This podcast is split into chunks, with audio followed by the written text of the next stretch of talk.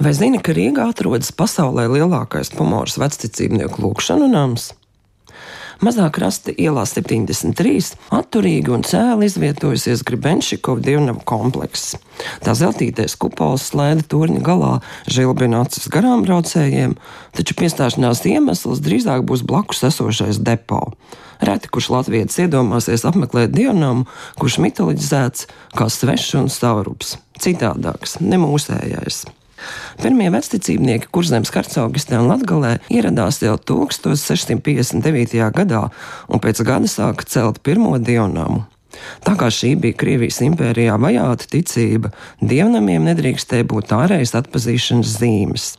Par spīti varas represijām, vecticībnieku dieva un darba mīlestība, atturēšanās no alkohola un citi iekšējie likumi padarīja kopienu stipru un vairoja turību. Pēc vidzemes iekļaušanas Krievijas impērijas sastāvā palielinājās vecticībnieku skaits pilsētās. Daļa bija nelegāli patvērumu atradušie bēgļi, daļa pārtikuši tirgotāji ar ievērojamu kapitālu. Viņu līdzekļi veicināja rūpniecības attīstību, un 19. gadsimta sākumā Rīgas vecticībnieki iegādājās pilsētas apkaimē esošo Grīzenburgas mūžu. Tā kā vecticībniekiem bija aizliegts celt sakrālas būves, viņi vispirms veidoja nespējnieku patvērsmi, kam neuzkrītoši tika pievienots lūkšanu nams. Varas žņaugi atslāba 19. gadsimta sākumā, kad uzplauka ekonomika. Strauji palielinājās arī vecticībnieku skaits no aptuveni 2000 1816. gadā līdz gandrīz 8 1830. Varas labvēlība un represijas mijās, taču senpareizticīgo kristiešu kopiena bija un palika vienota iekšienē un attiecībās ar ārpasauli. Nežēlīgākās vajāšanas pret viņiem sākās imperatora Nikolai I valdīšanas laikā. Tika drastiski ierobežotas saimnieciskās un pilsoņu tiesības, netika atzītas laulības, mantojuma tiesības, tika slēgtas skolas, nespējnieku patvērsmes, izsmiets apģērbs, aizliegtas bārdas. Bija spiediens pāriet pareizticībā vai vienticībā, tika aizliegts celt jaunus dievnamus. Lai izvairītos no slēgšanas, bijusī Rīgas Kristus dzimšanas dievnama drauga Grīzenburgas mūžas vietā 1833. gadā tika nosaukta Jāgavas rūpnieku un dāsna ziedotāja Alekseja Gribenšikova vārdā. 1859. gadā dievnamu mēģināja slēgt, tomēr vecticībniekiem ne tikai izdevās to nosargāt, bet arī ar vērienu uzsākt tā pārbūvi. Šim darbam tika pieaicināts pirmais latviešu profesionālais arhitekts Kārlis Friedrichs Baumanis.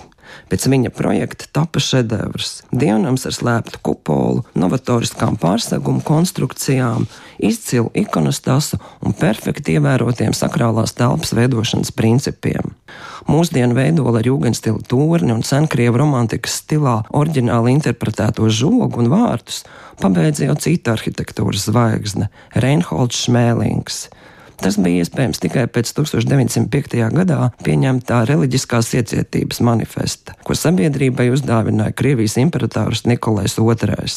Pēc viņa ukaza bijušie šķeltnieki, raskoļņiki, ieguva vārdu vecticībnieki, starabraci, ar kuru tie pazīstami joprojām.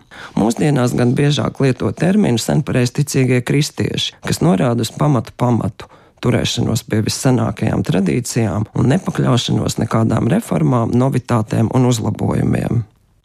Grebenčikau dienams Rīgā šobrīd ir unikāls sakrālā mantojuma rezervāts. Cauri padomu laikam tam ir izdevies nosargāt izcili vērtīgo mākslas kolekciju. Tam palīdzējis atapīgi izmantotais kultūras pieminiekļu status un perfekta dokumentācija, kur kā pirmās raksturotas īpašumtiesības pieder valstī, lieto reliģiskā kopiena. Ikvienā sarakstā tiek norādīts, ka kolekcijai piemīt liela valstiska un mākslinieciska vērtība, un tā ir aizsargājama gan kā arhitektūras piemineklis, gan kā kustamu mākslas pieminekļu kopums. 1979. gadā īpaša komisija paraksta detalizētu kustamo priekšmetu aprakstu.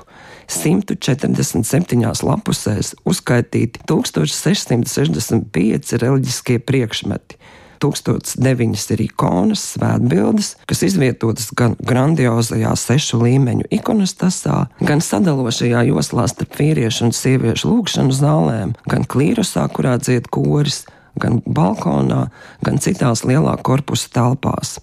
Katram priekšmetam aprakstīti fiziskie parametri, sniegtas ziņas par datējumu, sižetu un autorību, tāpat ir noteikta priekšmetu vērtība naudas izteiksmēm.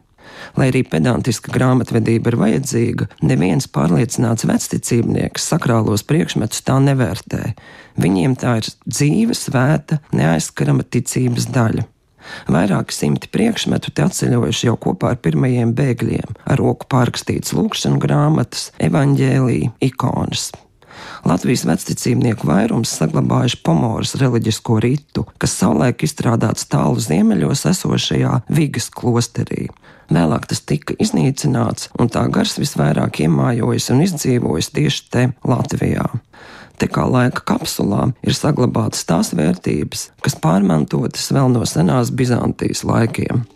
Grebenšikau dienam spēja pulcēt 5000 apmeklētājus. Te darbojas vienīgais profesionālais zīmju dziedāšanas koris Eiropā. Tēm komplekss pagrabā izvietots ļoti saistošs vecticības muzejs. Te bijīgi ciena pagātni un neļaujas tagadnes spiedienam, ja tas nesaskan ar dieva gribu.